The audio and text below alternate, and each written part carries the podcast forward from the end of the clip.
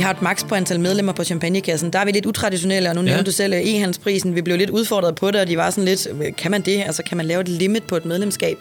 Og det har vi med vilje gjort. Vi har lavet, lavet en limit, der hedder omkring 2.000 abonnenter, fordi de bønder, Michael er nede og finde i Champagne, de, de producerer ikke øh, uendeligt antal flasker. Så hvis vi lige pludselig begyndte at have 5, 6, 7, 8.000 medlemmer, mm-hmm. så skulle vi begynde at vælge nogle flasker fra, fordi okay. vi ikke kunne få nok. Og kvaliteten og produktet og historien og kærligheden til flaskerne overvinder alt andet, så derfor er det vigtigere for os, at vi kan få det, vi gerne vil have med i kassen, og det fordrer altså bare, at vi ikke kan skalere antal medlemmer længere end der, hvor vi ligger på nu.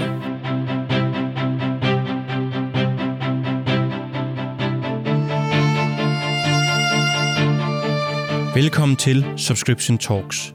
En podcastserie, hvor vi ønsker at samtale os godt og grundigt rundt om, og faktisk også i dybden med abonnementsforretningsmodellen. Og hvem er vi? Vi er Subscribe. Vi tror på, og vi arbejder utrætteligt hårdt for at sætte hele verden i abonnement. Hverken mere eller mindre. Og ved I hvad? Abonnementsmodellen er simpelthen en bedre forretningsmodel. Ikke blot for virksomheder, men også for abonnenterne. Og faktisk også, og det er når modellen svinger sig helt op mellem dig og dine medabonnenter. Og nu skal du lige holde godt fast på hat og de nye abonnementsbriller. For abonnementsmodellen har også potentiale til at være bedre for den planet, vi lever på. Hvorfor har den det? Ja, det er jo lige præcis det, vi skal samtale om her i Subscription Talks. Her er jeg, Jonas Jul Jeppesen, jeres vært, direktør og partner i Subscribe. Velkommen til Subscription Talks.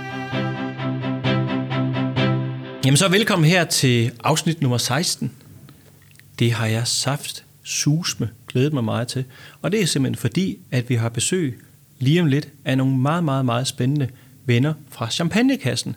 Og vi er faktisk tilbage i den i de, i de serieafsnit, der hedder Danske abonnementssucceser.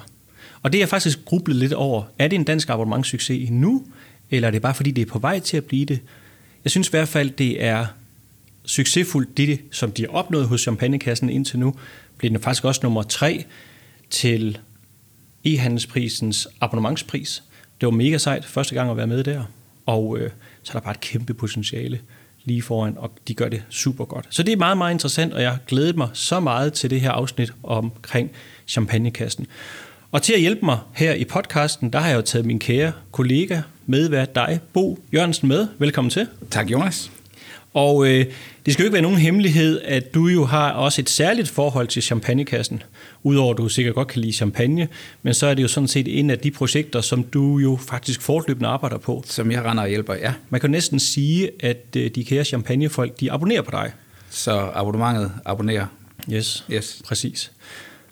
Bo, hvad glæder du dig egentlig til omkring det her afsnit her med champagnevennerne? Øh, jeg glæder mig rigtig meget til at høre om, hvordan øh, champagnekassen og, og champagne for alle er startet, hvordan koncepterne de sådan ja. har det, ja. og i virkeligheden hvad fortiden er. For jeg kender ret meget, hvor de er på vej hen. Det er ja. noget af det, jeg prøver at, mm-hmm. at, at, at sparke ind og, og bruge min viden til.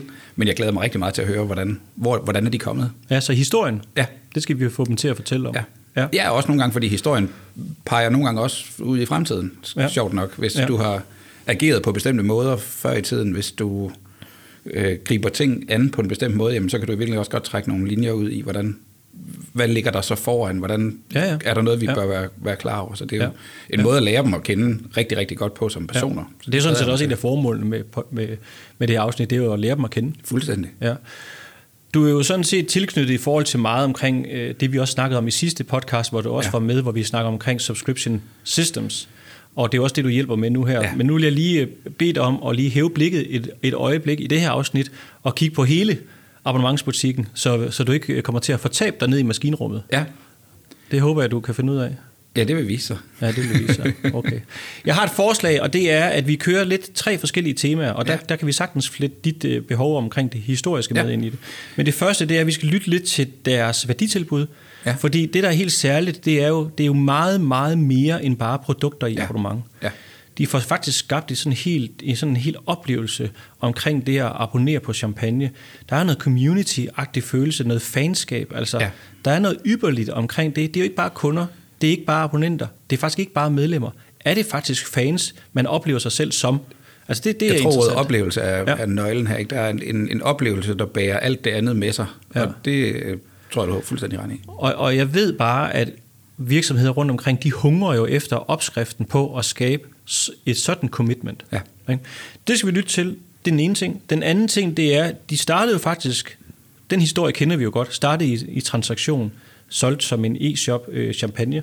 Øhm, på klassisk vis. Gør det sådan set stadigvæk, formoder jeg. Det kan vi lige snakke om. Men den her bevægelse fra transaktion til abonnement, ja. hvorfor, hvordan og hvordan, hvordan og hvorledes? Ja. Så det er det andet del fra transaktion til abonnement. Og det sidste, det bliver jeg faktisk inspireret af, fordi at øh, Dina, som jo er den ene part i champagnekassen, hun øh, på LinkedIn for et stykke tid siden ja. lavede sådan et, et interessant nærværende oplæg, eller indslag omkring, som hun kaldte på den ene side og på den anden side. Ja hvor hun fortæller lidt omkring øh, forsiden af medaljen ved at øh, være selvstændig, og det er mega fedt at holde det op, og man styrer selv tilværelsen. Men på den anden side, shit man, det er også bare hårdt arbejde, og uh, ja. det presser altså også en, og alt det, der nu ligger i det. Ja. Og den der på den ene side og på den anden side, er, vores, er det sidste tema, fordi at, øh, hvad er egentlig fordelen ved at gå i abonnement? Men der er simpelthen også nogle slagsider i det, måske noget, noget man skal være, som folk, der lytter til det her, skal være opmærksom på. Ja. Noget, der er bare benhårdt eller svært, eller noget, der bøvler og driller. Ja, ja og, og som du siger, man kommer måske fra at have en, en e-handelsbutik, der kører. Ja. Nu vil man have den over i noget abonnement. Betyder det så pludselig, at du skal, være, du skal slå abonnementsforretningerne, abonnementskonkurrenterne på at være gode abonnementer, og du skal også slå dine e-com øh, kongolegaer mm-hmm. på at mhm. være gode e-com-butikker, ja. så har du pludselig ja. taget to fronter, du skal, ja, ja. du skal slås på. Ja. Så det er meget relevant. Så det er de tre temaer. Fedt. Jeps. Skal vi ikke åbne op for mikrofonerne til, øh, til dig, de der Arbo, og der, til dig, Michael Arbo. I hedder sjovt nok det samme. Det er der sikkert en årsag til. Så velkommen til jer to fra Tusind Champagnekassen tak. og fra Champagne for alle. Det skal vi lige forstå det der med, men, øh, med, hvorfor vi har to navne. Men det kommer vi lige tilbage til. Michael, du har taget noget med? Ja, det har jeg. Du må godt lige uh, tage mikrofonen lidt ud, så du kan komme til, fordi det tror jeg, vi andre er lidt optaget af. Hvad sidder du med der? Jamen, jeg sidder med en flaske champagne. Ja? Fordi uh, vi har det sådan, at uh, man skal fejre alle ting så meget man overhovedet kan. Det gør livet Skønt. lidt sjovere og lidt ja. nemmere. Øhm, og i dag vil vi selvfølgelig fejre, at vi skulle hen og snakke med jer. Fedt. Fedt. Så jeg synes, vi skal åbne og, og smage lidt på det. Så, øh, så får vi også smurt stemme en lille smule til, ja. til resten af afsnittet. Hvad, øh, nu, nu spørger jeg om noget, hvor jeg så får et ja, det lyder godt. Nu spørger jeg om noget, hvor jeg så får et svar, og, og jeg ved ikke rigtig, om jeg kan konsumere det svar, fordi mit, hvad kan man sige, hvad kan man sige, sprog inden for det her, det er rimelig fattigt. Men alligevel så tør jeg også kaste mig ud i, hvad er det for en champagne, vi skal smage på? Det er en øh, champagne, som vi havde med i champagnekassen. Faktisk vores fødselsdagskasse. Ja. Og det er en øh, Cuvée Prestige, som vi havde med fra faktisk det sydligste område overhovedet i Champagne. Dernede der er druerne væsentligt mildere, end de er oppe i den lidt mere nordlige del. Mm-hmm. Og øh, det er både Pinot Noir, Chardonnay, der, øh, der fungerer rigtig, rigtig godt dernede. Det, jeg synes, der var sjovt ved den, det er, at den har noget dybde og noget fylde på sig, øh, på trods af, at den har en del af Chardonnay. Og øh, det passer bare godt her til efteråret og til vinteren og sådan nogle ting, at vi får lidt mere, lidt mere fylde. Stadigvæk noget ja. bobler, noget glæde og noget friskhed, men, men der lige kommer en lille smule fylde på os. Så det synes jeg, vi skulle smage i dag. Fedt. Verdens Fedt. bedste idé. Verdens, Verdens bedste idé. Skål. Skål. Tak, Skål. Tak, Dina. Tak for det. Velkommen. Sådan. Den der lyder du nødt til lige at forklare, Michael. Jeg ja, det, er ikke, fordi, jeg, det er ikke, fordi jeg sidder og savler. Undskyld. Det er, øhm, når man smager på champagne, der hvor misforståelsen rigtig tit er, det er, at folk sidder og nipper til det. Mm. Og når man kun nipper, jamen det er fordi, det skal være fint, at man skal sidde og være elegant og sådan nogle ting, som man strider med lillefinger, så sidder man og nipper. Problemet er bare, når man kun nipper til det, så smager man kun med det forreste af tungen, og så får du kun det syrlige indtryk. Når man lige tager en god mundfuld, man skal ikke tage det som shots, men tager en god mundfuld, så du har noget inde i munden, og så suger luft ind igennem det, så får man ligesom alle aromaerne om bærs på tungen og på siden af det også, og får den der fylde og den der bredde, som champagne giver det også. Og så, øh, så har man den fulde smag. Vi er enige om, det er det, vi gør nu, ikke også? Alle fire. ja. Skål igen. Ja, skål. Ja. skål.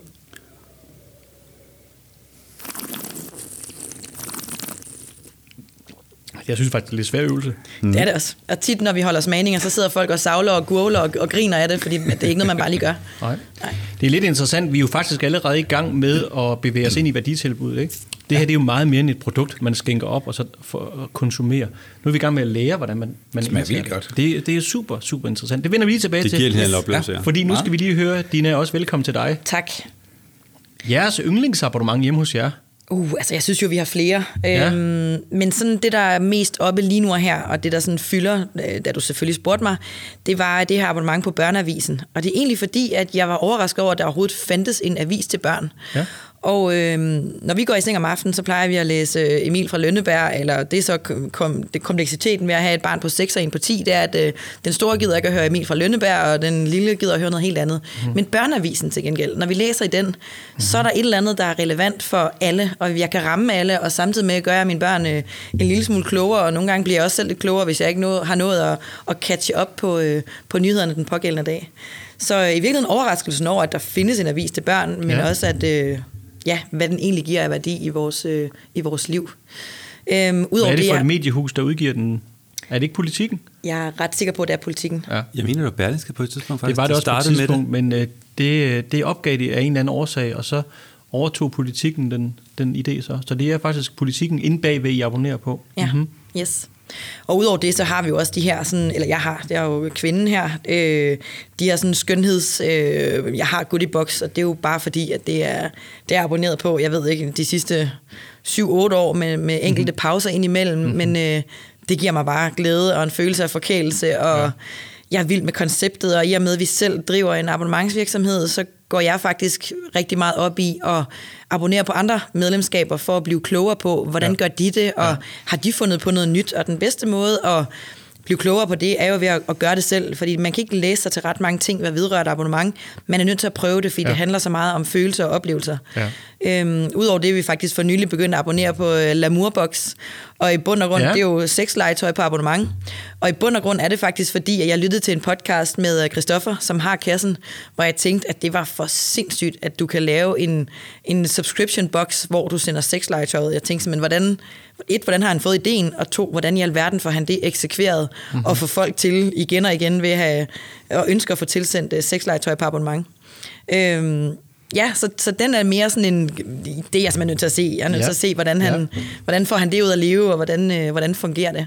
Så mange af de ting, vi abonnerer på løbende, er selvfølgelig også ren interesse for at finde ud af, jamen, hvilken følelse skaber det? Er der noget, vi kan kopiere over på vores champagneunivers, mm. så vi får det bedste fra alle verdener, ikke kun det, vi selv vurderer er fedt, men også det andre abonnementer, abonnementsløsninger har regnet ud, kunne være cool at gøre og overraske mm. lidt med. I skaber jo oplevelser for folk. I sælger jo ikke bare champagne. Prøv lige at fortælle, hvad er det egentlig, man abonnerer på, når man abonnerer på champagnekassen? Hvem er jeg vil fortælle om det? Jeg kan indlede ganske kort med at sige, ja. at champagne er en oplevelse. For os, der handler champagne om at dele og oplevelsen omkring det. Så de oplevelser, vi får sammen, er også nogle minder, vi skaber, mm-hmm. og det er noget, vi kan gå videre med sammen, i stedet for at man sidder øh, ene og alene. Når vi skal smage på champagne, og jeg har fundet nogle øh, sjove flasker rundt omkring, som måske skal i champagnekassen, mm-hmm. så vil jeg 10 gange hellere have, at jeg samler nogle forskellige mennesker, og så kan vi dele den her oplevelse, ja. og sidde og nyde det. Og det er langt fra, at det skal være... Øh, det er ikke et krav, at folk skal have smagt uh, 1000 champagne og alle de store huse og gamle champagne, men folk skal have lysten til det. Jeg nyder faktisk at lave smagninger, hvor at der kommer folk med, som bare er nysgerrige på det men aldrig har prøvet mm. nogle gamle mm. og dyre flasker og sådan nogle ting. Men den oplevelse, man kan give og få sammen med andre ved at sidde og dele det her øjeblik, det er, det er alfa og omega for mig, og det rører mig rigtig, rigtig dybt hver gang. Det er kernen i værditilbuddet på ja, champagnekassen. det er det, og det er også igen med champagnekassen med abonnementsdelen. Ja. Ja. Det vi gerne vil dele ud af, det er den her følelse og den passion, der kommer fra bønderne, når de mm. laver champagnerne. Mm-hmm. Altså i princippet så er det deres små børn, de præsenterer for os, eller for mm. mig, når jeg er dernede i deres kælder og viser dem til mig. Mm-hmm. Øhm, og, og det er den følelse, vi gerne vil tage med videre. Øh, kan vi bare bidrage en lille smule til, at noget af den følelse, som, som jeg får, den kærlighed, jeg får fra bunden igennem deres flasker til os, kan videreformidle den oplevelse øh, og den følelse ud til, til mm. de medlemmer, vi ja. har, ja. Så, øh, så er jeg lykkelig. Ja. Og derfor er en stor del af det, vi sender ud, jo ikke bare en kasse med to flasker tilbage til, at det ikke er bare et produkt, men i den kasse er der det her informationsark, hvor vi fortæller Michaels historie nede fra bunden. Øh, hvad, hvad er deres familieværdier? Hvad er deres grundlag? Hvad er deres principper med det, de laver? Øh, men ligesom meget om flaskerne, at historien bag, jamen, hvad er det, hvorfor er det, bunden har lavet den på den måde, og hvordan mm-hmm. er den blevet produceret? Så udover det er et produkt, som det selvfølgelig er, det er champagne, så er det oplevelsen omkring produktet, der er kernen i den forretning, vi driver. Vi sælger champagne. Øhm, men det er lige så meget en følelse og en oplevelse, ja. vi sælger. Også vores almindelige kunder, når de kommer ned og henter ned i, i butikken, eller en almindelig webshop-kunde øh, for den sags skyld, det er vigtigt, at de får noget informationer og noget følelse med, så det ikke er to hylder der, eller to flasker, der er hentet i et supermarked, eller i Inko, eller hvor det nu kan være. Hvordan, hvordan tror I, at I er kommet på det her med, altså det, det I jo gør, det er, at I, går, I laver det der, vi sælger ikke produkter, vi sælger udbytter. Ikke? Jeres, jeres værditilbud, det er jo udbytteorienteret, ikke? det er oplevelsesorienteret. Men ofte sker der jo det, det oplever vi jo tit på, at øh, nørder inden for et eller andet produkt, de har svært ved ligesom at slippe produktet. De går rigtig, rigtig meget, det er hele tiden produkt med produkt på, ikke? men har svært ved at hoppe over på udbytteområdet. Altså hvordan, øh, altså, hvordan har I snakket om det? Hvordan er det kommet til, at vi er nødt til at fokusere på den oplevelse, den situation, hvor vi sidder og skåler sammen? Altså, hvad, hvad kommer det af? For I er jo nogle nørder. Du, Michael, du er jo champagne-nørd, ikke? Så hvordan, hvordan er du kommet over på den anden side, og ligesom har sluppet dit produkt, og så sagt, det er det, det er det, produktet kan for folk, og gør vi mennesker sammen, i stedet for bare produktet i sig selv? Jeg tror ikke, jeg har sluppet det. Ja. Øh, det heldige for dine som mit vedkommende, det er, at øh, igen, vi er gift, men vi er også som der at vi er meget forskellige. Mm-hmm. Øh, og det er også klart vores styrker inden for, for mange af de ting, vi laver. Og det er også det, vores... Det, er også, det kan også have nogle udfordringer, ja. 100 procent, men, øh, men det har den ene side på den anden styrker. side. Præcis. Ja. Men hele det her med oplevelsen, som vi sender ud, jeg, jeg har aldrig sluppet produktet, og det kommer jeg aldrig nogensinde til. Mm-hmm. Altså det er så vigtigt for mig, at det vi sender ud, det er noget, jeg kan mærke. Så når jeg er nede, og det er igen her, jeg får lov til at bestemme lidt i ja. virksomheden, det er omkring champagne og produktet på det. Øhm, når jeg er nede og snakker med en, øh, med en bonde, der står med sine 20.000 flasker måske om året, han producerer, og præsenterer det for mig, jeg sidder i hans stue, hvor at øh, ungerne løber rundt, og, og konen lige kommer ind med, øh, med en flaske mere, vi skal smage på. Den følelse, jeg får dernede, det er det vigtigste, at jeg kan tage med hjem, som vi så kan sende ud, og Dina hun har mulighed for at videreformidle herhjemme også. Så jeg kommer aldrig til at slippe produktet øh, på nogen måde, for det er absolut det vigtigste. Mm-hmm. Der er flere, der har været at sige, vi kunne også lige skære lidt, og hvis vi lige kørte det lidt ned på prisen, og vi kunne lige sætte lidt op og sådan nogle ting, men det er ikke det, der er meningen. Meningen, som altid har været i vores mave og i, i hjertet, det er, at der er flest mulige mennesker, der kan opleve det her mm-hmm. kvalitetsprodukt, og det her, de her oplevelser, vi kan få sammen. Fordi igen, som Dina har prædiket rigtig, rigtig mange år med, der er ikke nogen tvivl om, når du hører det her puff, som vi lige hørte i starten her, hvor man åbner flasken, mm-hmm. så starter der en forventning allerede der. Ja. Og du, du spidser lige ører en lille smule, og så hælder du op, og du nyder det her, og hører det her kling, og, og boblerne, de stille og roligt falder ned i glasset. Det, det er bare en speciel oplevelse. Og hvis vi kan få flere mennesker til at nyde den her oplevelse, og den her lykkefølelse, det lyder forkert, når det er alkohol, men det er champagne, så jeg tænker, det er okay. Mm-hmm. Øh, men den her lykkefølelse af, at, at nu skaber vi nogle minder. Du kan huske, når du drikker en champagne, så kan du huske, hvem du drak den sammen med. Du kan huske situationen. Også selvom jeg tror, jeg har smagt 500 flasker champagne i år. Ikke hele flaskerne, men, men jeg har smagt 500 forskellige flasker i år. Og jeg kan huske stort set alle sammen, hvem jeg har drukket dem med, og hvornår jeg har smagt mm. på det fordi det er noget, der binder minderne sammen. Det har lavet sig på mini-harddisken. Ja, lige ja. præcis. Men du siger faktisk noget super interessant, fordi tilbage til snakken om det bare er en vare, men du sagde faktisk selv, at når du tager det med hjem, så er det en følelse, og det er en lykkefølelse, og det er jo vigtigt, fordi det, det jeg tænker på, det er, at det ikke bare en vare som en hvilken som helst flaske, men det er en vare, der er forbundet med en følelse og en oplevelse og noget, der ligger omkring flasken. Mm, ja. Så derfor er det kombinationen mellem, at produktet og kvaliteten på varen er god, men det er også alt det, der ligger udenom, som er det, der er krenen på kagen, og som er det, der gør det ekstra lækkert. Ikke? Mm. Lige præcis. Og der skal man nok også, det sidder jeg lige og bliver bevidst om, når I sidder og forklarer det der, og du også fortæller, Michael, at øh, du er så optaget af produktet, og ikke vil slippe det. Og selvfølgelig skal du ikke slippe det, for det er jo mødet mellem produktet og det, de kan, og de mennesker, som de... Altså, det er jo mødet, der er interessant her. Det er det, der skaber oplevelsen. For din oplevelse, uden at man mødes om noget, er jo ikke noget. Det er jo tomt. Altså, vi er jo nødt til at putte noget ind i det, et, noget substans ind i det. Nu er det så champagne her, og det rum, vi så skaber der. Så det er jo altid mødet mellem sagen og de mennesker, som det er. Nu er sagen jo så champagne her. Så, så når man laver den der from product to outcomes, som vi så tit prædiker, man skal ja. huske at lave, så er det jo ikke fordi, man skal slippe sit produkt. Man skal bare være optaget af mødet mellem forbrugeren, kunden, fanen, og så det, som der ligger potentialet i produktet. Ikke? Det er sådan set det, jeg synes, I skaber. Ja. Hvad det koster? Igen, vi hedder champagne for alle, og vi har mhm. champagnekassen. Så derfor er det også vigtigt for os, at flest mulige mennesker har mulighed for at prøve det, om ja. det så er hver eller hver anden måned. Ja. Men det ligger på 5,95 inklusiv alt. Altså ja. det vil sige to flasker information, opskrifter, fragt, øhm, alt hvad der dertil hører. Ja. Og glas med, man får i sin første kasse. Ja, velkomstkassen har vi valgt at sige. Der er rigtig mange, der har de her flytglas, som bare går lige op og ned.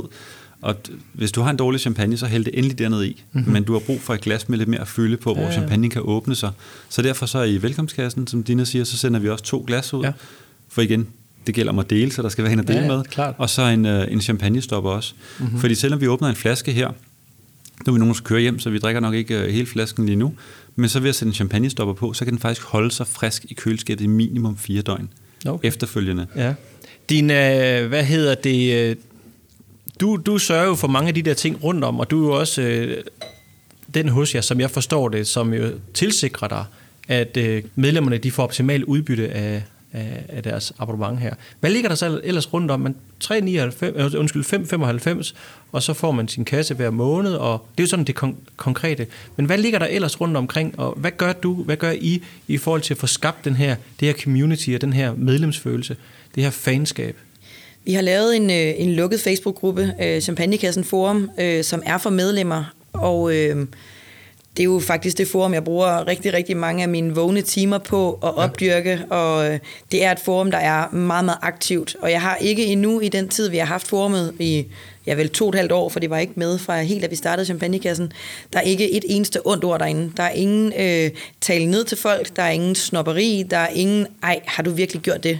Folk, de løfter og hjælper og anerkender og hæpper, og øh, der er simpelthen en stemning af en anden verden, som, som gør, at det faktisk er det første sted, jeg tapper ind, når jeg vågner om morgenen, for lige at gå ind og få den her feel good, for der er ikke nogen derinde, der har skrevet noget grimt om hinanden. Så det er et sted, hvor medlemmerne øh, deler, løfter, øh, ja, i det hele taget et community, som handler om champagne, men også om alt det, der ligger udenom. Også omkring madsammensætninger, eller nu skal vi på ferie, hvordan gør I andre, når I skal ud og flyve med jeres champagneflasker? Mm. Eller Michael og Dina, vi skal have gæster i weekenden, og vi har de her champagneflasker tilbage. Hvad vil I anbefale? Så er der fem medlemmer, der har været inde og kommentere, inden jeg overhovedet når at komme ind i gruppen. Øh, der kan også være et medlem, der skriver, åh nej, har I andre også oplevet, at jeres kasse ikke er kommet frem? Hvis jeg ikke har nået at være derinde, så er der fem andre medlemmer, der har skrevet, bare rolig, vi ved alt af selv, og de er simpelthen de vildeste ambassadører for os. Ja. Jeg kan faktisk godt blive rørt nogle gange, når, man, når, man, når vi snakker om det. Mm-hmm. Det er at man læser tingene, og det er sådan, mm-hmm. kører i hverdagen, men når man, når man sidder og snakker om det, kan jeg godt blive rørt nogle gange over, hvad, den der følelse, den der... Øh, det smitter. Jamen, det der familiære, der ligesom ja. er kommet derinde, ja. ikke også? For det er lidt det der, nu siger vi medlemmer, det er det, vi kalder dem, men, mm-hmm. men det er jo også lidt en... Vi har også brugt termen, eller hvad hedder det, vores champagnefamilie rigtig mange gange. Oh, ja. ja. God Fordi igen, det bliver som en familie, og det der opbakning og, og hjælp, der er, som Dina beskriver, den er, den, den er uvurderlig. Altså, det, det er virkelig en, der rører en meget, mm-hmm. når man oplever det i forhold mm-hmm. til, hvad man ser rigtig mange andre steder på nettet. Ikke? Jo, jo. Så I har nærmest skabt sådan en, øh, en virtuel beruselse, ikke? Altså, de er beruset, ja. der, der er en, beru, en beruset stemning, eller hvad? Der er i hvert fald en der følelse af... Der er kærlighed. Der er kærlighed, og der er en følelse af, og en enstemmig øh, lyst til at fejre livet og kærligheden en kedelig tirsdag med slud og regn, og øh, ikke vente til øh, sølvbryllupsdagen eller nytåret, men... Men, men, men, men hvordan, hvordan er I lykkes med det? Altså, det, det tror jeg, der er nogle lyttere, der sidder og, og tænker, hvordan får man skabt det? Eller er det fordi, det faktisk øh, at det er at familiemedlemmerne, så at sige, der medskaber det? Eller hvad? Altså, hvordan I sætter I det? Altså, det er jo ikke sket af sig selv. Det er jo Nej, ikke sådan noget, der er sket overnight. Det har været benhårdt arbejde. Ja. Og det har det jo i den forstand, at det kræver, at... Øh, at man går langt for sine medlemmer. Og vi går, øh, når vi lærer nye kundeservice-medarbejdere op, så lærer vi dem op i, at øh, du skal gå langt, og når du så føler, at du er gået så langt, du overhovedet kan, så går du lige 10 skridt længere. Det vil sige, at vi har simpelthen øh, oprettet sådan en, øh, eller vi har opnået sådan en øh, credit i forhold til alt det, vi gør. De ved, at når vi siger, at vi yder den vildeste kundeservice, så er det også det, vi gør. Hvis der er en pakke, der er blevet væk på vej til Odense, og den ikke når frem til nytår, så skriver jeg ud i mit netværk og finder, eller vi skriver ud i vores netværk og finder en, der skal til Odense, og så sender vi flasken med der. Og hvis man gør det konsekvent, og ikke kun med flasker, der ikke når frem, men med alt, og altid. Hvis man bliver ved med at gøre det, og konsekvent, og fortsætter og fortsætter, så på et eller andet tidspunkt, så har folk fået øh, ro i maven i forhold til, okay, når de siger det, så er det rigtigt nok. Og så handler det om, jo flere medlemmer, der kommer ind, jo mere man er med til selv at skabe en god tone, jo mere man er med til selv at bidrage, og ikke bare, sådan en gruppe, den lever ikke af sig selv. Den lever kun, fordi jeg holder øh, ild i den, at jeg blæser til ilden, at jeg mm-hmm. støtter og anerkender og skriver hjerter og kærlige ord, og er personlig og kan huske, at øh, når Majbrit skriver derinde, ej, vi har endelig fået champagnekassen, så ved jeg, hun har sagt nede på kontoret, hun har fødselsdag, så skriver jeg lige, ej, hvor er det fedt, den er nået frem, og kæmpe tillykke, Majbrit. Så det kræver selvfølgelig en kendskab til sine medlemmer. Jeg sidder og skriver øh, personlige velkomstbreve til alle vores medlemmer, når de melder sig ind, mm-hmm. og det betyder, at jeg har samtlige navne i hænderne på samtlige labels, der bliver sendt ud. Det skaber et sindssygt kendskab til de medlemmer, vi har med, i første instans kun på navnet, men lige så snart de er inde i gruppen, Champagnekassen Forum, kan jeg kende mange af navnene, og så er det simpelthen bare med at øh, blive ved og blive ved og huske på at skabe sig et, øh, et kendskab til de her medlemmer, og så kommer resten helt af sig selv. Men, men, men, men Dina, det er, jo, det er jo overvældende på den ene side. Nu tager jeg lige hul på den ene side og på den anden side. På den anden side, det kan I jo ikke skalere. Vi har jo rent faktisk... Øh, Eller hvad? Det, det tror jeg, der er nogen, der har sagt til jer flere gange. Ja, jamen det er det. Altså, vi har... det sidder jeres bestyrelse garanteret opmærksom på, og sådan nogle kedelige gutter gudinder. Men, men hvad, hvad tænker du? Hvad, hvad, altså? Vi har et maks på antal medlemmer på Champagnekassen. Der er vi lidt utraditionelle, og nu ja. nævnte du selv øh, e-handelsprisen. Vi blev lidt udfordret på det, og de var sådan lidt, kan man det? Altså kan man lave et limit på et medlemskab? Og det har vi med vilje gjort. Vi har lavet, lavet en limit, der hedder omkring 2.000 abonnenter, fordi de bønder, Michael er nede og finde i Champagne, de, de producerer ikke øh, uendeligt antal flasker. Så hvis vi lige pludselig begyndte at have 5, 6, 7, 8.000 medlemmer, mm-hmm. så skulle vi begynde at vælge nogle flasker fra, fordi okay. vi ikke kunne få nok, Aha. og ikke fordi det er, fordi vi ikke kan lide dem. Og Nej. kvaliteten og produktet og historien og kærligheden til flaskerne overvinder alt andet, så derfor er det vigtigere for os, at vi kan få det, vi gerne vil have med i kassen, og det fordrer altså bare, at vi ikke kan skalere antal medlemmer længere end der, hvor vi ligger på nu. Det er også igen der, hvor vi snakker om før, at her der har vi stadigvæk fokus på produktet i stedet for profitten i sidste ende. Ikke? Mm-hmm. At ja. det er vigtigere for os.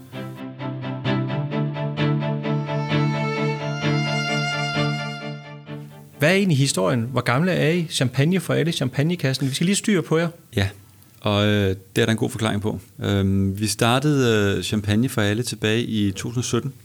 Mm-hmm. Hvor ældre er det ikke? Nej, det er det faktisk Nå. ikke. Øh, og champagnekassen kom faktisk først til i øh, november 18. Ja. Øh, vi har tre års fødselsdag, som sagt. Men det startede på den baggrund af igen en passion og en forelskelse til champagne, og hvor vi fandt ud af, hvad det egentlig kunne. Og jeg var i et øh, job på det tidspunkt, hvor at, øh, når det gik godt, så fejrede vi det, og det gjorde vi med champagne. Og efter vi har haft det på fredag, hvor vi havde fejret noget, sådan, så på et tidspunkt, så får jeg ligesom hældt nogle glas op og delt rundt, og vi skal til at drikke af det. Og jeg får sådan taget det op til næsen og står sådan og skal til at drikke af det, men kommer til at dufte til det samtidig. Og da jeg gør det, finder jeg ud af, at her der er der bare noget andet, end der har været i alle de andre flasker, vi nu har smagt på. Mm.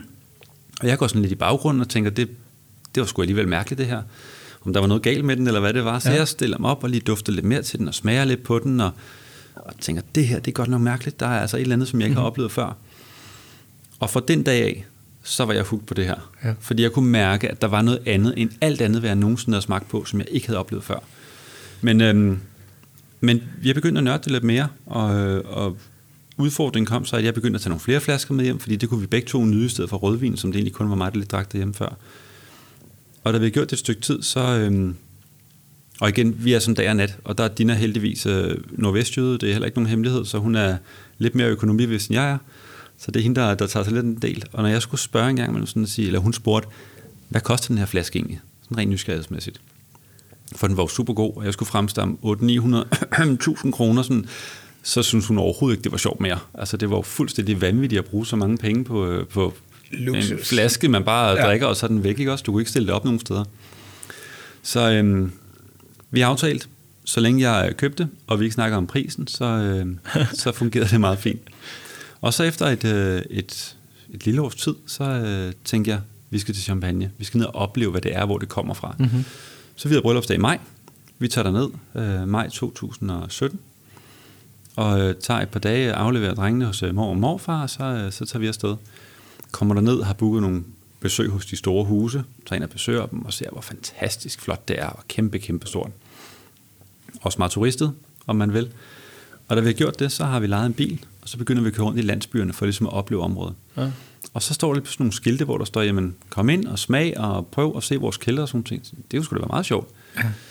Og der finder vi ret hurtigt ud af i løbet af den ene dag, vi kører rundt der, at vi kan få langt højere kvalitet til langt billigere penge, end hvad vi køber herhjemme i supermarkederne. Ja. Ja. Så øh, vi fyldte en kuffert.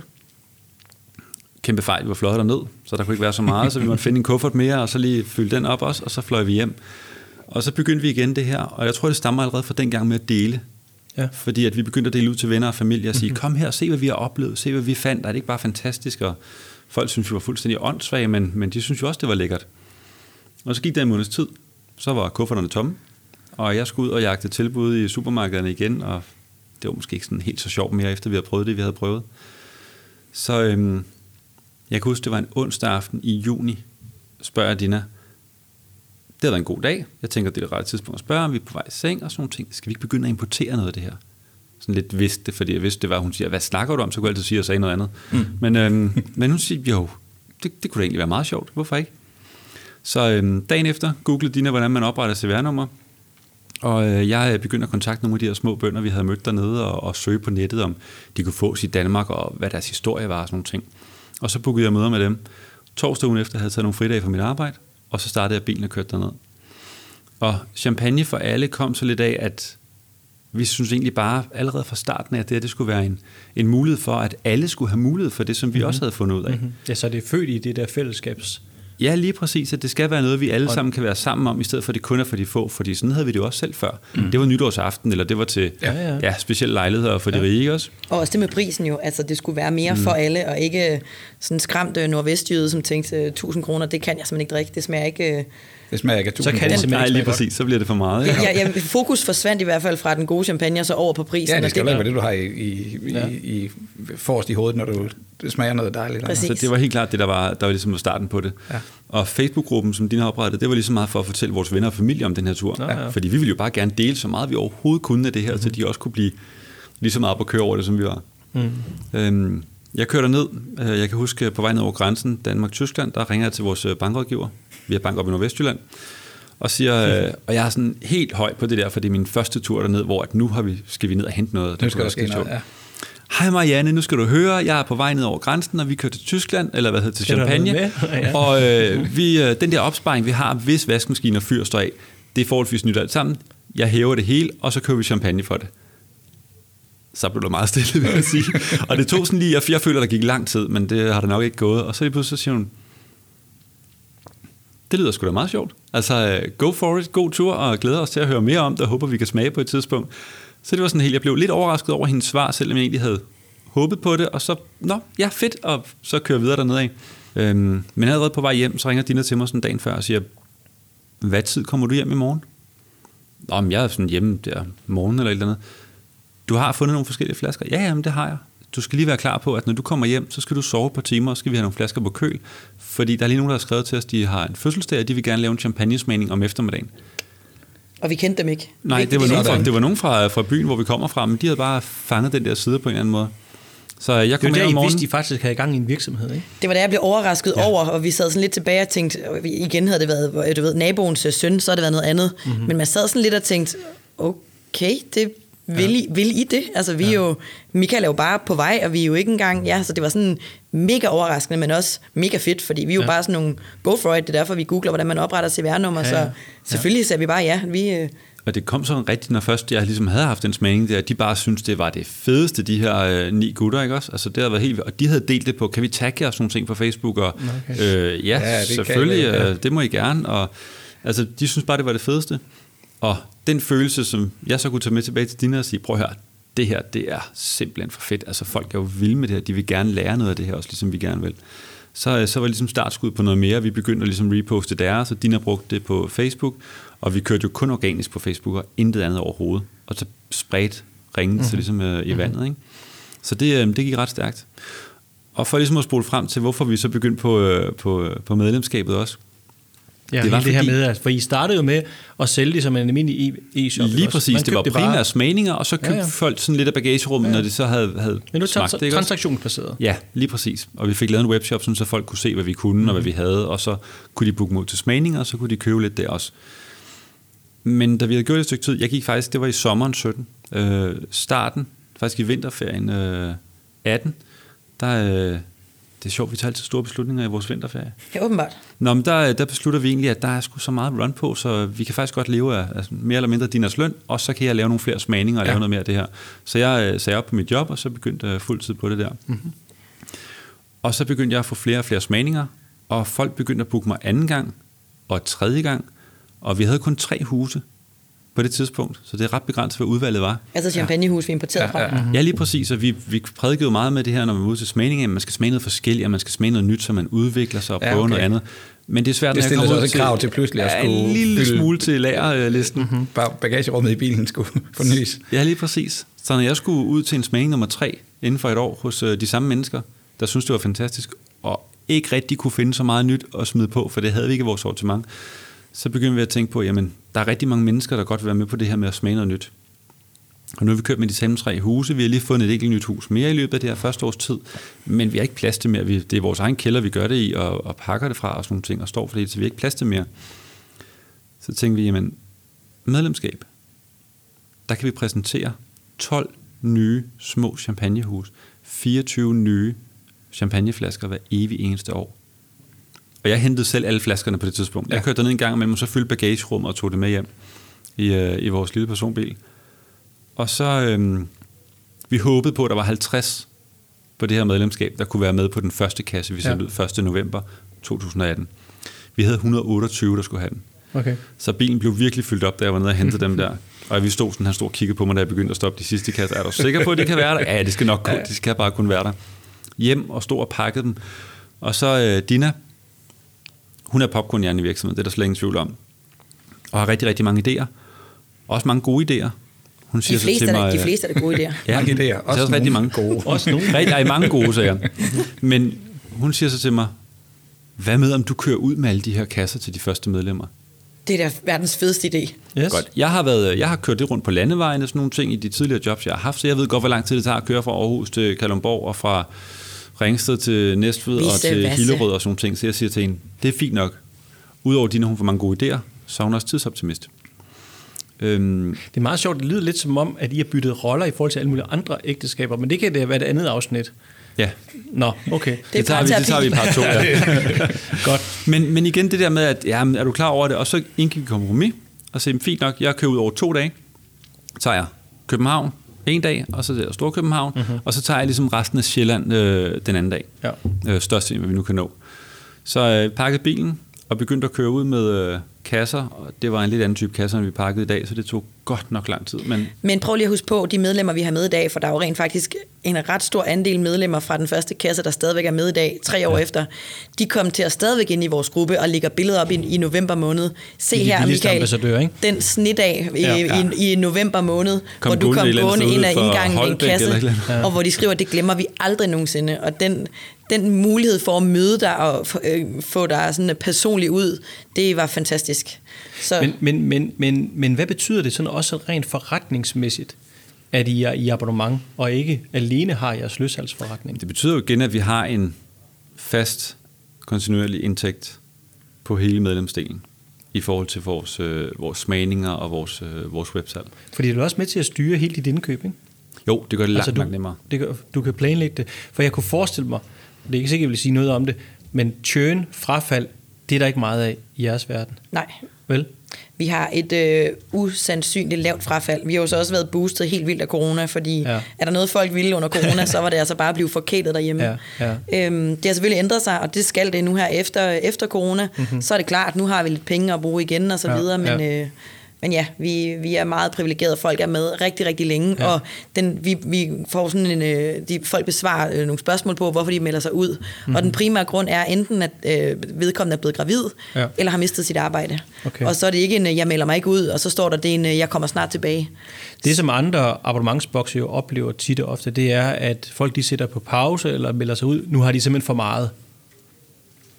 Det er ikke vi, Folk de, druk, de fylder, får drukket op med, Vi har set det en lille smule, men det er ja. heldigvis ikke særlig meget. Vi øh, bruger jo vi bruger rigtig meget energi på at tænke i medlemskabet i forhold til, hvordan får vi folk til at drikke de her flasker. Ja. Så en rigtig stor del af øh, konceptudviklingen handler om, hvordan får vi de her flasker genereret igennem, og det var en af grundene til, at vi fik udviklet opskrifterne, i forhold mhm. til, jamen, hvis der er en opskrift med, ja. så får folk lyst til at åbne flasken og smage den her opskrift, og udover det laver vi sådan nogle online smagninger med flaskerne. Ja. Der er jo også den del af det, at de flasker, vi har med i kassen, kan man kun tilkøbe i indeværende måned. Og når vi sidder med kundeservice-delen, og, og Hanne først får åbnet sin øh, øh, kasse tre måneder efter øh, kassen er væk, og så kunne hun godt tænke sig at købe nogle flere, så er det for sent, fordi man skal genbestille mm-hmm. månedens flasker i den måned, man er i. Ja. Så det er jo også igen for at yde den bedste kundeservice at sige, jamen hvis du forelsker dig hovedkuls i en af de her champagner, så må du altså ikke vente med at drikke dem til øh, november næste år, for så kan du ikke få flere af dem, og så er løbet altså kørt, så er det, det, og det er, er også meget, lige så meget logistikken for os, fordi vi kan jo ikke bestille ja. to flasker hjem her, og fem flasker fra det samme Nej. hus. Det, vi tager det i en pulje, og så er det det, vi får hjem, ikke, når ja. vi har så mange forskellige, som vi har. Så står I jo alligevel lidt et sted nu i jeres forretning. Det er også derfor sådan en som Bo, han er inviteret med indenfor. Altså, øh, der er 2.000 abonnenter. Det er også noget med, at I tænker lidt i, jamen altså, kan vi være noget, kan vi skabe glæde ude på arbejdspladser med champagne? Er det ikke rigtigt? Må, må vi spørge til det? Ja, og det er jo også lige så meget for at, at skabe noget fællesskab også. Ja. Øh, fordi om noget efter corona, jamen, så har vi brug for noget mere fællesskab, ja, og vi har nok lidt mere lyst til den der fredagsbar, end vi havde førhen, ikke også? Ja, jo. Øhm, men udover vores øh, champagnekasse, så har vi jo også vores limited medlemskab. Ja, ja som jeg lige gerne lige vil vende et kort øjeblik, og det er jo relativt lille. Øh, der er plads til en 400-450 medlemmer.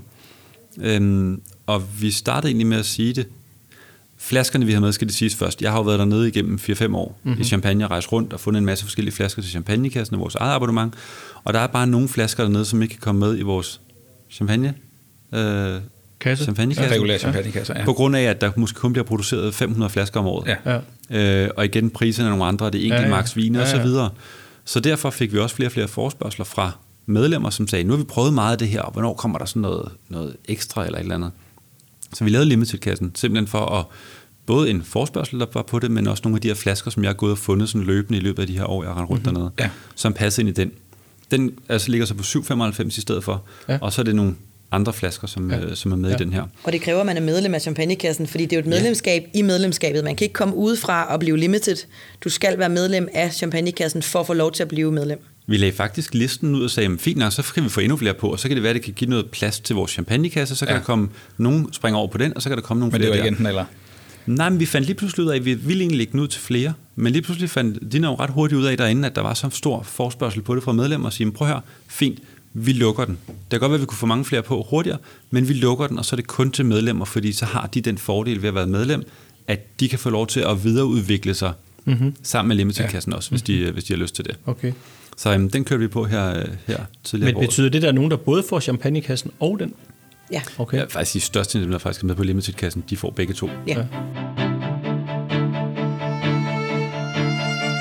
når jeg har siddet og tyllet lidt, fordi at, øh, jeg bare sidder og lyttet på jer, så, så kan jeg bede om noget mere, Michael? Det kan du i hvert fald. Og mens du så lige skænker op, så vil jeg egentlig gerne lige, at vi øh, så gør os klar til, fordi der kan jeg alligevel mærke, at spørgsmålene lige hober sig lidt op hos mig. Fordi kan det nu også passe, at den her hyggeklub, det, det bare er så fantastisk. Så nu kommer vi over i afsnittet, der hedder På den anden side. På den ene side og på den anden side. Så er I klar på det, Dina? Det er vi så klar på. Det er jo sådan set dig selv, der har været med til at diktere temaet, ikke? Jeg har selv ved at lægge det der opslag Det er jo en del af min sådan LinkedIn-DNA, det er at forsøge at være så ærlig som muligt. Vi prøver ja, at være ærlige. Hvad var det egentlig, du, undskyld, jeg afbryder dig, men hvad var det egentlig, du skrev der? Jamen det var, jeg kan faktisk ikke helt huske det ordret, men det var jo på den ene side og på den anden side, og det handler i virkeligheden om, at det at drive forretning nemt kan blive sådan et uh, happy-go-lucky uh, opslag på min LinkedIn, fordi det handler om e-handler, grevepriser og flotte artikler i børsen, og det er jo fantastisk og dejligt, men jeg har også behov for en gang imellem at fortælle om den anden side af det. Men det jo gør jeg jo, fordi jeg selv bliver inspireret af alle de profiler, jeg følger og læser om, og det er ikke så mange, synes jeg, der fortæller Nej. om alt det, der er på den anden side. Og, og det er jo først, når man begynder at ture og fortælle om den anden side, og ture og fortælle om de ting, der er svære, de ting, der er svære at håndtere, når man lige pludselig er i en, i en virksomhed, der, der vækster vanvittigt. Det er jo de ting, der er interessante. Så begynder ja. vi at pille ned i noget, hvor det sådan for alvor bliver spændende at læse og lytte med. Ja. ja. Skål lige igen Skål. her. Skål. Ja. Skål. På den ene side, så øh, er det jo mega spændende at være dig, Michael, og drøne til champagne, og købe ind, og smage, og komme hjem og invitere folk, og gæster, og medlemmer, og fans, og smage. Og det er fedt at vågne op om morgenen, Dina, og se, hvad der er blevet skrevet, og folk har ros der, der er god tone. omkring champagne for alle og champagnekassen. Og på den anden side, Michael og Dina, det at drive en abonnementsforretning. Hvad er der om på den anden side af alt det der? Man har jo stillet nogle sindssygt store krav til sig selv for at drive en abonnementsvirksomhed. Og det er man nødt til for at være den fedeste og den dygtigste, og noget folk vil blive ved med og kontinuerligt hen ad døren. Men det betyder også, at du sætter din bare usandsynligt højt, og det gør man især, hvis man har kæmpe respekt både for sit produkt og for sine medlemmer og sine kunder. Øhm, og, og det betyder jo, at når man har det her langdistance eller langtidsforhold med nogen, så kan man ikke lige pludselig begynde at slække på det, man gør. Det vil sige, hvis du har vendet dine kunder til, eller har haft en strategi om, at man var super meget på, og man besvarer ting, og man gør ting på en bestemt måde, så kan man ikke lige pludselig ændre på det, når man driver en abonnementsvirksomhed. Du er nødt til at være tro mod det, du siger, og det, du gør. Og det er jo, det er jo en god ting, men, men det sætter også, det, det er ret krævende, fordi når man først stiller sin, sætter sin bare højt, så er du meget at leve op til.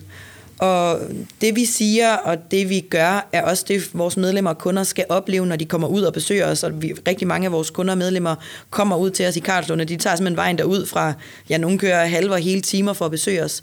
Så er det enormt vigtigt, at det, de møder, også er det, de har, mm-hmm. det indtryk, de har, har fået af os. på, altså, ja. Ja, de ikke lige pludselig kommer ind og tænker, gud, I har skrevet sådan og sådan, og sådan er det overhovedet ikke i virkeligheden, eller i virkeligheden, eller det er vi har hørt, det her, ikke? Vi har hørt den der mhm. podcast om, at dine medlemmer er vigtige, men så når jeg kommer derud, så, så siger du bare til mig, at jeg skal bare skynde, altså, det er sindssygt vigtigt. Så hvis man sætter barn højt, og det er en plan og en strategi, så kræver det også, at du fortsætter. Fordi de her medlemmer har været med så længe, de ved godt, hvad du står for. Og på samme måde, hvis man lige pludselig bliver business people, som kun er i det her, fordi nu skal vi bare tjene penge, og nu skal vi bare det ene og det andet, det, det kan man ikke. Altså man er nødt til at være tro mod det koncept og den strategi, man har lagt for den abonnementsvirksomhed, man driver men vi er produktet. Hvis champagnekassen er ja, ja, ja. en vare, man får, men i bund og grund er det, er det os, der skaber oplevelsen. Det er os, der er ansigtet udadtil. Mm-hmm. Og det skaber også nogle, nogle forventninger, nogle krav. Vi kan Når du bare... sidder og skriver de der kort, ja.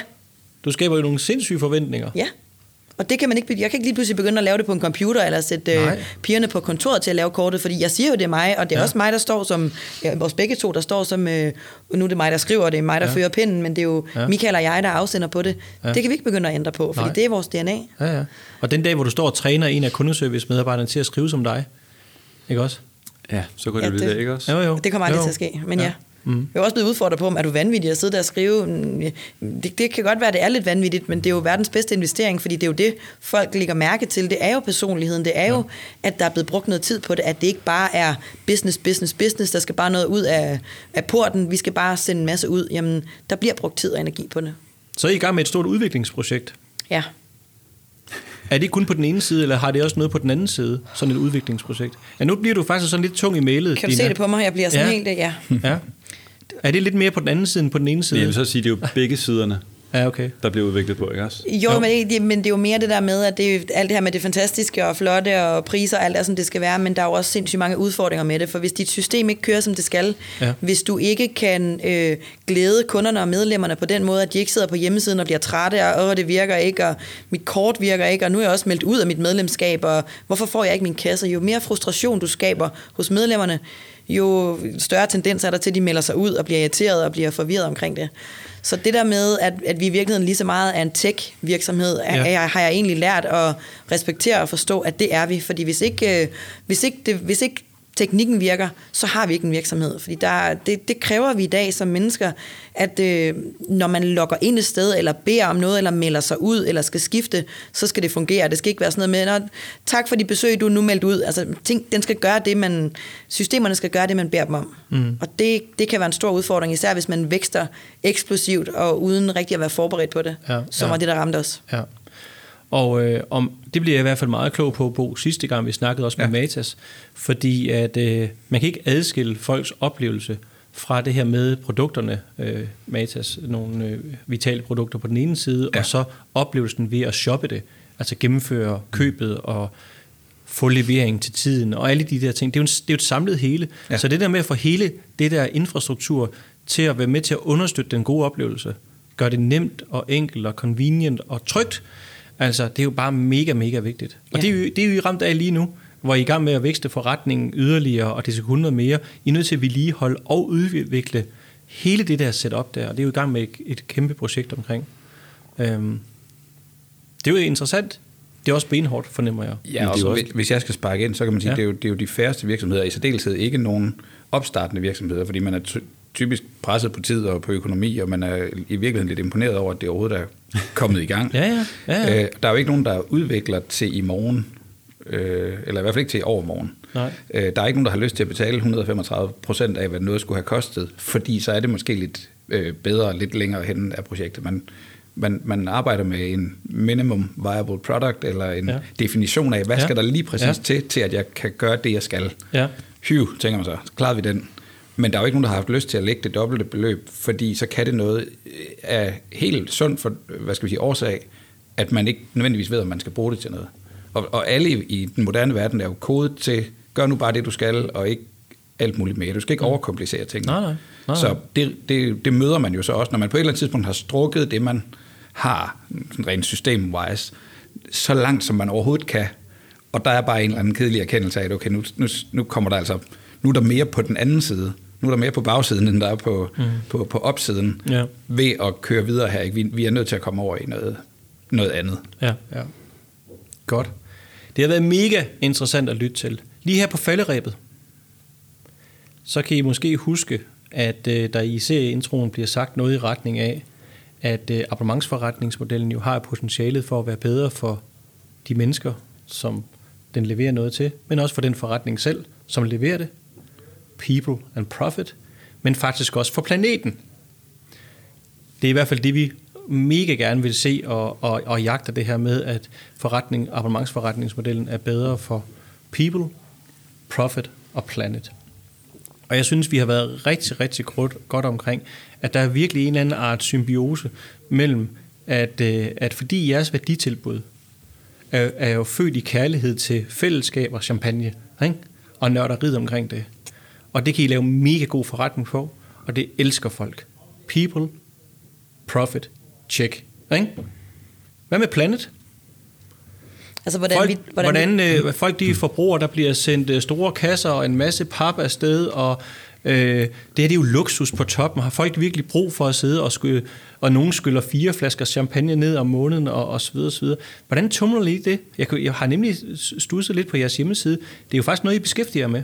Vi har super meget fokus på det, og, og det er jo ikke alle steder, vi, vi går ikke ud som sådan og profilerer os med det, men det er fordi, at vi henter champagne hjem fra Frankrig, ja. og der skal alt andet lige en, en lastbil ud for at hente varerne hjem. Så ja. det er jo ikke alle steder i vores forretning, vi kan sige, vi tænker øh, bæredygtigt op på planeten, men alle steder, hvor vi overhovedet kan, ja. har vi omtanke med i forhold ja. til, kasserne skal være øh, bæredygtige, og indholdet skal være bæredygtigt, hvor vi bruger genbrugspapir. Vi Produceret bruger, i Danmark også, sådan, så vi slipper for, at det skal transporteres længere end højst nødvendigt. Ja, ikke? ja vores kasser. Øh, vores tape er øh, bæredygtig. Øh, alle steder, hvor vi tager en beslutning, så kigger vi på det, vi nu skal enten sende med i kassen eller bruge i vores forretninger, og tænker, kan vi finde noget, der er produceret i Danmark, og kan vi finde noget, der er bæredygtigt, hvor der ligger noget omtanke bag. I hvilken grad efterspørger jeres øh, medlemmer, at I tænker sådan? Er det noget, de efterspørger, eller er det noget, I bare gerne vil? Jeg synes ikke rigtig, vi oplever, at de spørger efter det. Nej. Men selvfølgelig, vi fortæller jo også, at vi gør de her ting. Ikke igen, som Dina også siger, vi skriver ikke, vi profilerer os på, at vi er bæredygtige og sådan mm-hmm. ting, men vi fortæller jo selvfølgelig, at det er en vigtig del, også i håb om, at det smitter af ja. på nogle af vores medlemmer. Vi Igen, genbruger forresten også kasserne, det er en vigtig ting, det elsker de. Det udvendige kan vi ikke, men de kommer tilbage med de, øh, selvom de får dem sendt og kommer langvejs fra nogle gange, så får de dem sendt, for det er mere bekvemt i hverdagen, men så kommer de ind med kasserne, og så kan vi bruge indmaden igen, øh, som vi har fået lavet. Ja, det, er det, de, det er de vilde med. Det kan jeg mærke. At det, der var lige en, der skrev her for morgenen, at jeg bor godt nok på Fyn. Kan vi finde en masse medlemmer på Fyn, og så samle, og så kan oh, ja. vi øh, samle bag min bil, og så kan jeg køre over med det. Altså, vi skaber også en, en sådan bæredygtig ja. tankegang hos dem. Og når de kommer ind med, der er nogle gange kommet nogen, der har kørt ind til, øh, til lagerbygninger og har tømt, øh, der er måske kommet 30 kasser ud, så har jeg også taget billeder af dem og spørger dem, må jeg få lov til at dele det. Og jo flere, jo flere medlemmer, der ser, gud, jamen, Karen kører der lige forbi og afleverer kasserne, det gør jeg da også lige. Så vi skaber mm. også sådan en, ej, det vil jeg da også. Altså, hvis I kan bruge det, og hvis I kan genbruge, mm-hmm. så er det da meget bedre, end jeg kører på genbrugspladsen ja, med tingene. Ja. Fordi det er jo noget, som især abonnementsboks er nødt til at være, især luksus abonnementsboks er nødt til at være opmærksom på, ikke? Fordi vi jo skaber et mere forbrug, ikke? Mm. Og det kan have fantastiske gode, øh, hvad hedder det, årsager i sig, som de jo har her, ikke? Øh, men det der med også lige at have den der vinkel på, uden at det skal være belærende over for folk, og så videre, så videre, øh, er jo interessant og vigtigt, og er jo nok kommet for at blive. Vi kan jo se, altså vores indmad for eksempel, du kan lægge det ud i haven, og så bliver det i princippet nedbrudt efter, efter et stykke tid. Ikke ja. også? Så, øhm, så det er helt klart noget, vi har fokus på. Ja. Alt, hvad vi overhovedet kan. Ja. Jeg håber også, I er kommet for at blive. Jeg champagne smager godt, og det er hyggeligt at snakke med jer. Så længe bønderne så. er der, og så længe der er champagne i verden, så, så tænker jeg, at vi er her. Tusind tak for jeres besøg, Dina og Michael Arbo fra Champagne for Alle. Fantastisk. Nu er landet jo ved at lukke ned desværre, men øh, klar anbefaling til at få lukket nogle champagneflasker op. Så øh, tusind tak skal I have. Tak. Tak. Bo, det var da mega interessant. Det er mega interessant. Altså, det var den ene fortælling efter den anden. Øh, vi lappede det i os. Ja. Sammen med den champagne, vi fik. Hvad står du tilbage med? Hvad vil du egentlig et gerne? Et champagne står jeg tilbage med. Ja, du drikker ikke så hurtigt. Øh, jeg skal til at have nummer tre lige om lidt. Hvad står du tilbage med fra samtalen her? Nej, det er jo, der, der er virkelig, virkelig mange ting i det, der øh, Dina og Michael øh, fortæller, fordi jeg, som jo nok ham den mest systemtænkende mand i, rundt, om, rundt om mikrofonerne lige nu, mm-hmm. der tænker jeg selvfølgelig, hvor vild en opgave det er at oversætte det her meget analoge øh, øh, koncept, et, øh, et, en, en analog, en følelse, en ja. fornemmelse, en, ja. en, øh, en glæde ja. til noget digitalt. Ja. Øh, som Dina sagde, hvis ikke systemerne kører, så kommer det altså ikke rigtig ud over rampen. Nej, nej. Øh, jeg ved godt, at vi selvfølgelig ikke sidder med et udviklingsansvar for, om Facebook-gruppen øh, kører eller ikke kører. Det, det, det er der mange andre mekanismer, der skal, mm-hmm. der, der skal træde ind over. Men, men hvor, er det, hvor er det vildt at definere alle de opgaver, der skal til, at den her summen af mange, øh, af mange ønsker bliver til en oplevelse. Ja. Ja, øh, og, og der er så mange gode spørgsmål, der skal stilles, ja, og så mange ja. detailbeslutninger, der ja. skal tages. Ja. For det er ikke igen bare noget, man trækker i en maskine. Nej. Jeg, jeg, er, jeg er mega optaget af, udover det du siger, det er optaget af den sårbarhed og den ærlighed, der, der ligesom er bor her.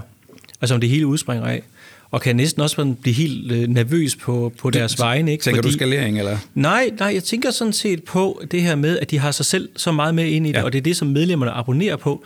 De abonnerer på champagnen, at Michael finder det rigtige, at du, Dina, er, det er fordi jeres mikrofoner stadigvæk er åbne, så jeg er faktisk lidt stadigvæk, at du er så meget på, ikke også?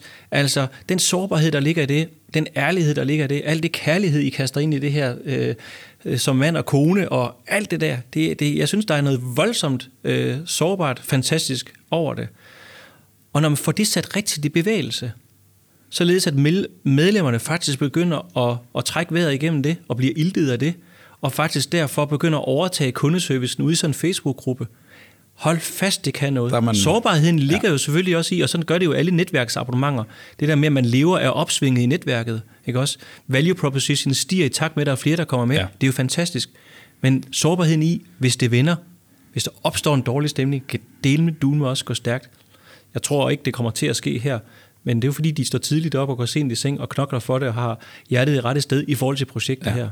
Det er, ja, er meget interessant. Og så synes jeg, historien om, at Michael på en, øh, jeg kan se det for mig, men øh, starter Peugeot'en og kører ud i sneværet for at aflevere de ja. første øh, champagnekasser, den har du ikke hos Netflix, vel? Altså. Nej, nej. Nej, nej. Så er der langt til regnearket, virker det til. Jeg prøvede sådan at virkelig bringe det i spil nogle gange, øh, men, øh, men det, det får ikke... Jamen, det, det passer jo heller ikke, at forretningen Ej. ikke kan skaleres. Der, der er jo masser af... Altså, webshoppen kan jo skalere alt det, ja. den vil, og, og, og businesskasserne hører vi også om, er ja, et, klart. Et, et konge... Altså, det kan jo risikere øh, ja. det hedder ikke risikere, det hedder, det kan gå hen og blive øh, altså ja. 10 gange større end, end det andet til sammen. Ikke? Ja. Så det er jo ikke fordi, at, at, øh, at jeg tænker, at, at det er en begrænsende faktor. Nu er det kun et spørgsmål om lageret, det kan holde størrelsen. Ja. Tak, Bo, fordi at du var med endnu en gang. Tak til Jonas. Og så vil jeg faktisk også lige rette en tak til vores kære øh, mand bag knapperne, Kenneth Sperling. Årsagen til, at jeg lige fremhæver dig den her gang, Kenneth, det er jo fordi, at øh, det giver mig også lige anledning til at sige, at du faktisk også lige sidder og skruer lidt på et afsnit, som vores kære nordmænd faktisk øh, har gang i, Subscription Talk, Talks, torsk, torsk, nytårstorsk, nytårstorsk. Øh, på norsk, som øh, kommer her øh, op til, op til øh, inden længe op til jul. Så øh, tak til dig, og så også tak til jer lyttere, som øh, abonnerer på vores podcast og bevægelsen her. Det er fantastisk også at få jeres kommentarer og feedback og ønsker til nye afsnit. Tusind tak for det. Og så egentlig bare, fordi vi er jo midt i december, glædelig jul og rigtig godt nytår til alle vores kære lyttere.